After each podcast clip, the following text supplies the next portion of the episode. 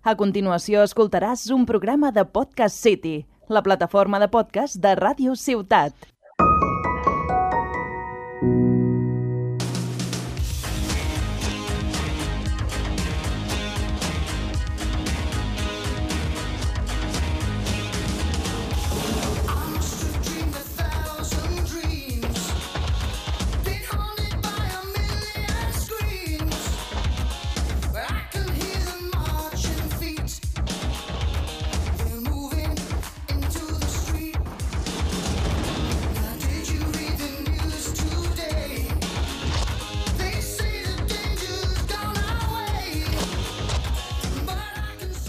Hola a tothom i benvinguts al segon programa d'aquesta temporada de Tarragona Sostenible, podcast de Ràdio Ciutat de Tarragona que es realitza en el marc de les activitats dutes a terme des de la Càtedra DAU URB de Desenvolupament Sostenible. Com ja sabeu, el nostre objectiu és abordar aquells temes relacionats amb el medi ambient i el nostre model de desenvolupament, com de sostenible o poc sostenible és el nostre model de desenvolupament. Si recordeu, al primer programa d'aquesta temporada vam parlar amb el professor del Departament de Geografia de l'ORB, Benito Zaragozí, sobre drons i la seva incorporació a la docència i la recerca universitària. Un tema nou en relació als que vam abordar la temporada passada. Com també és un tema nou lo, del que parlarem avui. I de què parlarem avui? Avui parlarem dels bombers de la Generalitat de Catalunya i concretament de les denominades cremes prescrites que aquests realitzen. Molta gent pensa que els bombers l'únic que fan és fer front a les emergències, ja sigui incendis forestals, accidents de trànsit, incendis urbans industrials, recerca i rescats de persones, etc. Però els bombers pengen, no? estan vinculats a una direcció general de la Generalitat de Catalunya que és la Direcció General de Prevenció, Extinció d'Incendis i Salvaments. I si us heu fixat amb la primera paraula després de Direcció General és prevenció. Prevenció, una paraula important també pels bombers de la Generalitat. I amb qui parlarem? Doncs avui qui ens visita és en Marc Joan Pere, bomber de la Generalitat de Catalunya que pertany a un grup especial, un dels grups especials que hi ha als bombers catalans. Concretament són los EPAF. EPAF vol dir Equip de Prevenció Activa Forestal. Hola Marc, i gràcies per acceptar la nostra invitació i estar aquí avui amb nosaltres. Hola, bona tarda. Gràcies a vosaltres per la invitació. Gràcies, Marc. Com dèiem, el Marc forma part dels EPAF, concretament el grup que té la seu a Montblanc, a la conca de Barberà. A veure, Marc, abans de parlar dels EPAF i de les cremes prescrites i de què feu, no? què feu, eh, fes-nos una valoració de la campanya forestal 2021 que fa no res que hem acabat. Sí, bé, de fet ha sigut una campanya complexa, ha sigut una campanya complicada perquè hem de, primer de tot, hem d'entendre que venim d'una acumulació de material per la precipitació que vam tindre el 2020, per tant, tenim una acumulació de, de, de combustible i, i a més se li ha d'afegir la sequera acumulada que teníem el 2020-2021. Dic acumulada perquè, eh, com ja saps, tenim uns períodes de sequeres importants degut al canvi climàtic. Llavors, això, i a més afegit a, a, les, a un estiu que ha tingut unes altes temperatures més altes de tinguem uns, uns incendis eh, bastant complicats. De fet, eh, hem tingut sis incendis eh, convectius que ens ha, provocat, ens ha provocat aquests pirocúmuls. No? Pirocúmuls són aquests núvols que, que, que provoca el propi incendi, un núvol de fum, i que indica pues, una, una gran intensitat, vale? de, eh, de, de, intensitat de, de, de l'incendi. De fet, la, la campanya, eh, molts gent se pensa que comença al juny, juliol, l'estiu, doncs aquest any, degut a tota aquest, eh, aquesta acumulació de combustible, les altes temperatures, ja va començar al maig. Al maig ja van tindre bastants incendis, eh, sí que eren petits, però ja començava a indicar que la campanya seria complicada. Eh, de fet, eh, són molts incendis que no són mediàtics, però sí que hi han sigut, que ens indicaven això, d'un estiu complicat. La sort l'hem tingut una miqueta aquí a Tarragona, Terres de l'Ebre, perquè vam tenir unes pluges al juny i ens va portar una mica de tranquil·litat, però clar, no, no va ser així a la resta de Catalunya. De fet, hem tingut eh, a, la, a la zona de Santa Coloma 1.720 hectàrees, tenim la Pla de Massaluca, que hem tingut 88 hectàrees, eh, i també l'incendi del Ferraz, 88 hectàrees al, al mateix juny. Per tant, sí, sí, ha tingut una, una campanya complicada. I a més hem d'afegir que ha sigut un estiu que hem tingut bastants, bastants focs en, en zones urbanes. A prop de temps de Torell, amb 290 hectàrees, han tingut Llançant, de 350, o Torroella de Montgrí, amb 90 hectàrees. Per tant, ha sigut, ens està indicant no, que, que, que, que els estius eh, seran, seran complicats quan incendis. Sí, sí de clar que el, siguin complicats i bé, el, la mostra, en aquest cas a prop nostre, no? aquí a les comarques de Tarragona, ha estat aquest incendi que has comentat de, que va començar a Santa Coma de Queral però que va entrar doncs, a la comarca veïna de la Noia.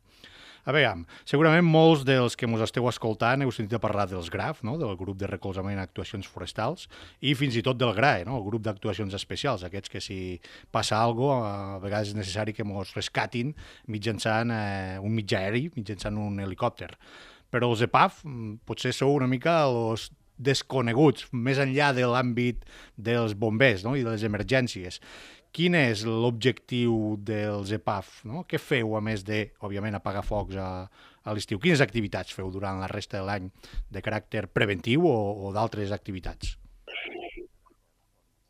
Sí, de fet, els EPAF, eh, ja, de fet ja fa 20 anys eh, que estem al cos de bombers. El que passa sí que teníem un model eh, que estava una mica precari i ara estan evolucionant. I estan evolucionant justament per això, perquè des del començament, no? perquè és molt, molt important per fer front a aquest tipus d'incendis la prevenció.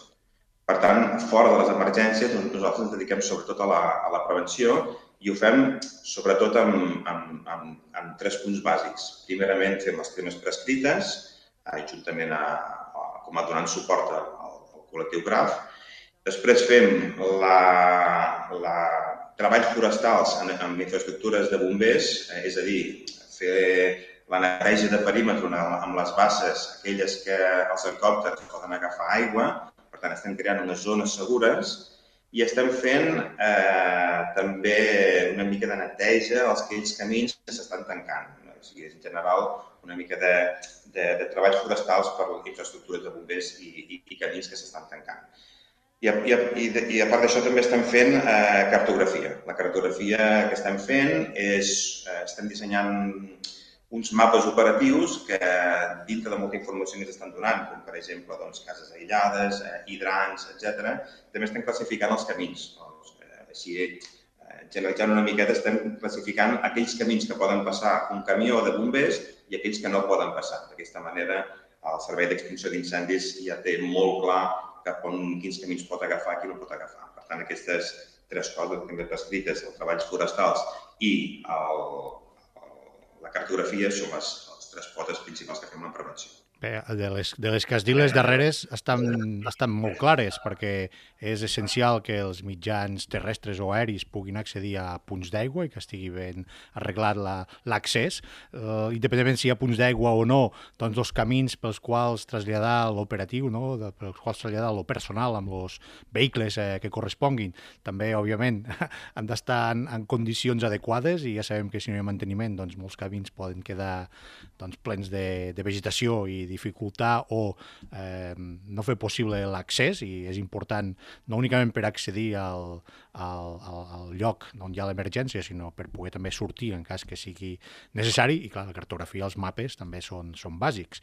Menys, eh, suposo, menys conegut o menys obvi és la primera qüestió de la qual es parla, que són les cremes prescrites, que no proscrites, no? les cremes prescrites. No? Què són i per a què serveixen fer aquest tipus de cremes? Però primer, què, què són? A què consisteix? Les cremes prescrites eh, són unes cremes que es fan en zones, eh, en zones forestals que el que consisteix és en eliminar combustible. Com ja, com ja sabem, doncs ja venim no, d'una ocupació del terreny amb un 30% que tenim al 60 de, de, de zona forestal i en l'actualitat, que al terreny tenim un 80%, 70-80%, que és massa forestal. Per tant, eh, per la causa de l'abandonament rural, doncs tenim una gran continuïtat de, de boscos de massa forestal i uns boscos que estan molt bruts. Quan dic bruts me refereixo a que tenen molt sotabosc, molta, molta part arbustiva, que el que dificulta és l'entrada al, sotabosc. No? Doncs ara imagina't amb un incendi el que, el que costa poder entrar a una línia d'aigua amb aquests boscos tan bruts. Per tant, eh, el, la, la crema prescrita és això, és eliminar els, el, el, el sotabosc perquè per tindre doncs, una, una estructura més, més definida. Però sol és per, eh, per, per eh, possibilitar l'accés o hi ha altres raons, a més d'aquest possibilitar l'accés als mitjans quan hi ha un incendi? La, la, la, la, Sí, es fan, es fan per això, però l'objectiu d'això és eh, crear unes oportunitats, eh, unes oportunitats en, a l'incendi. El que es fan és unes pràctiques en llocs determinats perquè en cas d'un incendi es tingui una oportunitat d'extinció. De, si, si tenim un bosc amb una gran continuïtat i amb, amb molta massa forestal i amb un sotabosc brut, doncs el que tindrem és una eh, gran eh, intensitat d'incendi el que s'aconsegueix amb aquestes àrees que s'estan fent les cremes és que quan, quan arribi aquest hipotètic eh, incendi, llavors mm, baixi la intensitat i pugui crear una oportunitat per poder atacar aquest incendi.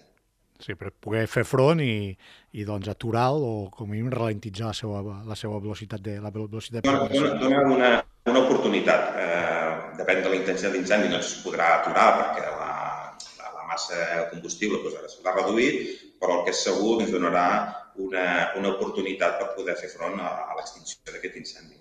Ja, ja reduirà la intensitat, reduirà la velocitat, eh, etc. Per tant, per això es fan aquestes, aquestes cremes prescrites. Los grup EPAF a Catalunya sou diversos? No, no, no, quants, quants grups hi ha? Saps quants, quants EPAF, quantes, quants equips sou a nivell de Catalunya? Sí, som, som eh, nou bases a tot Catalunya. Eh, més o menys són una, una base per, per regió, centrem regions d'emergència dintre de, de Catalunya, i som 9 persones per cada, per cada regió. En, en total som unes 81 persones a tot Catalunya. Sí, aquí a la Tarragona, o Tarragona i Terres de l'Ebre, esteu Valtros a Montblanc i hi ha un equip també a Mora d'Ebre? Sí, exacte. Hi ha una Mora d'Ebre, tenim a Lleida, tenim a, Trem, tenim a Igualada, tenim a, Solsona, també tenim a, a Mollà, a Granollers, a Santa Coloma i a, i a Llançà. Eh, clar, són zones diferents, però la pregunta és, aquestes cremes prescrites les feu en uns llocs determinats? Tenen unes característiques que a, to, a tot arreu igual o, o s'adapta, o, el lloc on se fan les cremes prescrites s'adapta a, la, a la zona on esteu, en aquest cas el Camp de Tarragona? El, el que es fa és un estudi que s'ho fa a la unitat tècnica GRAF, que el que fa és, és fer uns estudis d'un lloc determinat que hi pugui haver un, un incendi, un hipotètic incendi, que tindrà una evolució.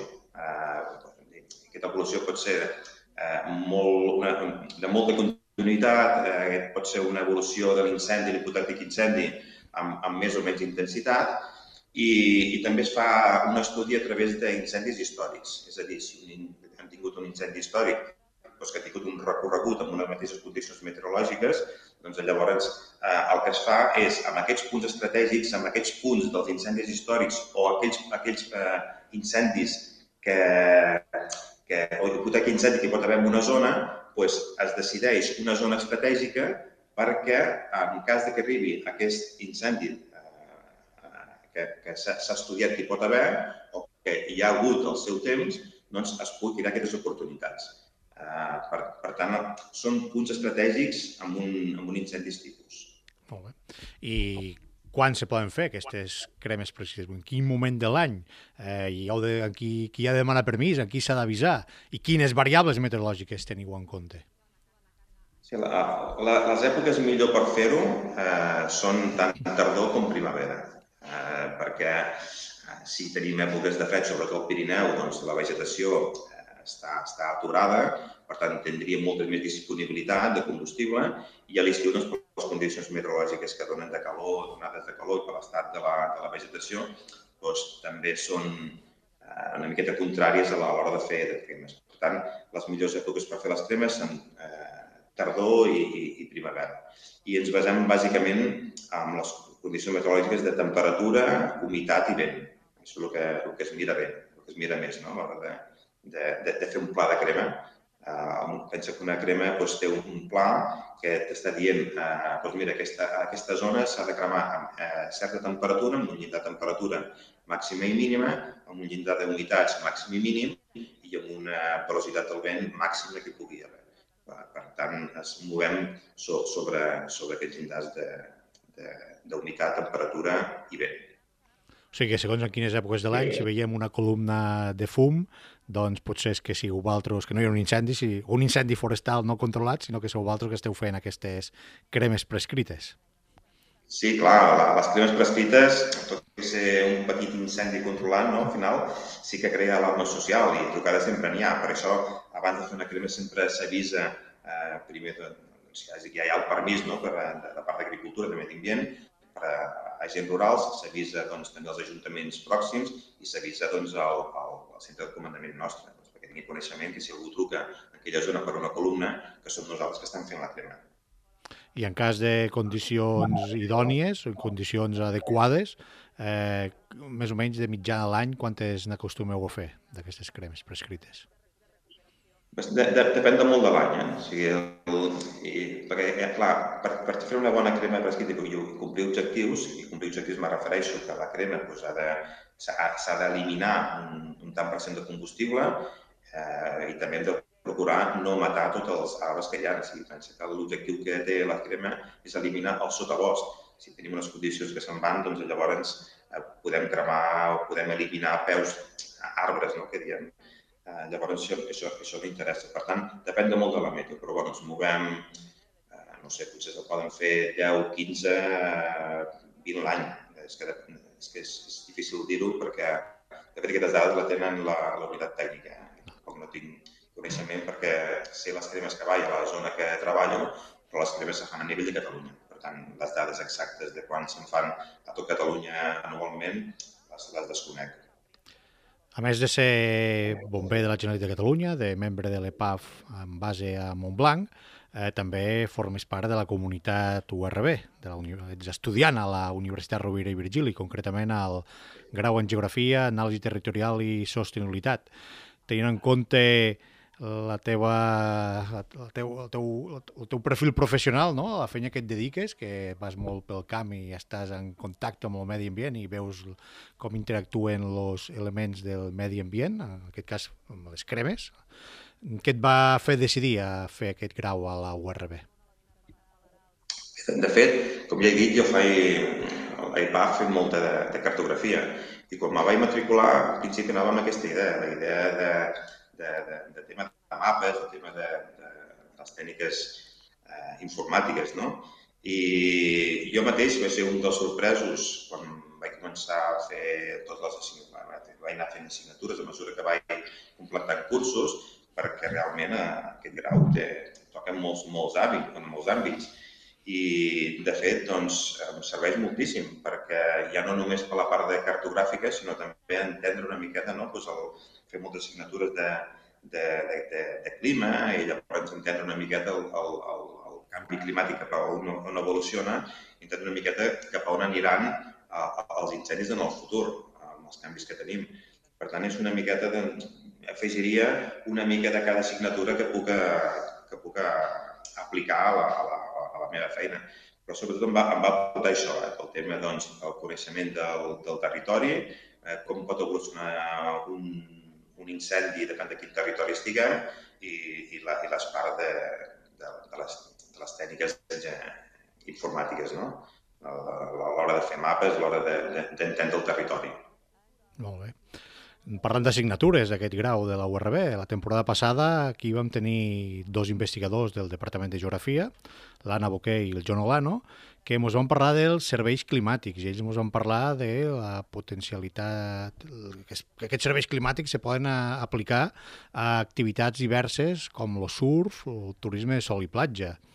Com que penso que està molt lligat no, els serveis climàtics amb aquestes cremes prescrites que, que menciones, penso que igual és una oportunitat de fer alguna, alguna activitat o alguna aproximació als serveis climàtics vinculats, no sé si als incendis forestals, però igual si a, a les cremes prescrites, no? Per parlar, pensant en el que comentaves de les finestres d'oportunitat a curt, mitjà o llarg termini, no? dels dies més aptes o menys aptes per poder realitzar aquestes cremes prescrites. Creus que és una possibilitat a eh, desenvolupar aquest servei climàtic vinculat a cremes prescrites?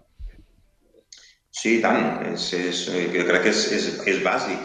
Eh, de fet, ara estic fent una assignatura, un projecte 5, que estem fent a, precisament aquesta assignatura, no? crear un, un, un, un servei climàtic eh, per a diferents activitats i jo he agafat doncs, les temes prescrites.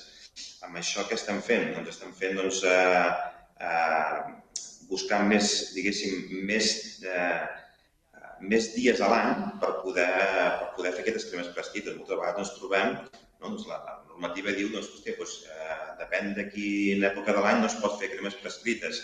Doncs, I a la realitat ens ve, veiem doncs, que en ple estiu eh, hi ha dies concrets doncs, que, que es podrien fer les cremes prescrites, perquè tenim unes condicions meteorològiques, tant de temperatura, d'humitat, que es podrien, es podrien fer. Per tant, aquesta assignatura està molt bé perquè et, et, et, et permet desenvolupar aquest servei climàtic i, i aplicar-lo a la, a la realitat, que desconec realment si la, unitat tècnica té aquest servei climàtic. Per això sí que serviria doncs, perquè les cremes no es quedin eh, només en les èpoques de tardor i primavera, sinó eh, buscar aquelles finestres, aquelles oportunitats, tant a l'hivern com a, com a l'estiu, que també tenim dies de finestra i podríem aprofitar més tot, tot, tot l'any doncs, per poder fer aquestes, aquestes cremes. És una natura que, bueno, doncs, eh, per la meva professió doncs, m'està agradant molt i, i estic traient molt de profit.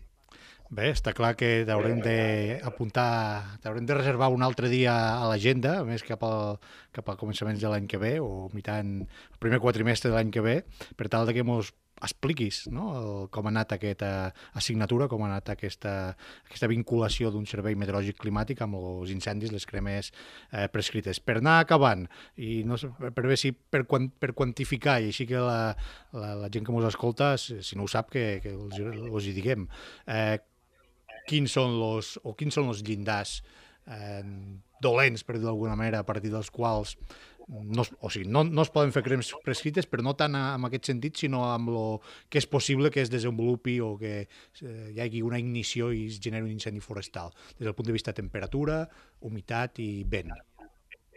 Bueno, ja, ja el que coneixem com a estàndard general és eh, eh, perquè es pugui desenvolupar un incendi bé bé, el que diem el, el, el triple 30, no? Equivalent fa referència a que si tenim unes condicions meteorològiques del 30% d'humitat o, o, o menys, a un, un vent de 30 km per hora o més i una, i, i una temperatura de més de 30 graus, doncs llavors el, eh, estem creant una, una situació idònia perquè l'incendi es desenvolupi eh, molt millor que no pas si tinguéssim, una, per exemple, una humitat molt, molt més alta. Llavors, quan s'acompleix aquest triple 30 és quan s'identifica doncs, que el risc és alt per la zona que, que es compleix amb això. Doncs amb això del canvi climàtic me sembla que aquestes situacions cada cop se produiran més, de més de 30 graus de temperatura, humitats baixes, i bé, si afegim lo, el vent doncs encara es complica més. Molt bé, Marc, ho, ho deixem aquí. Eh, molt interessant el que ens has explicat i repetixo, te, te, te volem veure d'aquí uns mesos perquè ens expliquis resultats, no? resultats del que estàs fent eh, a nivell acadèmic a la universitat. Ho hem deixat aquí. Eh, moltes gràcies per haver acceptat la, la invitació i fins a propera. Moltes gràcies a vosaltres. Bona tarda. Bé, doncs i ho deixem aquí, acomidem el programa fins a la propera entrega de Tarragona Sostenible, de Ràdio Ciutat de Tarragona. Esperem que aquest podcast us sigui d'interès i, com deia, us esperem a la, una pròxima edició. Adeu a tothom!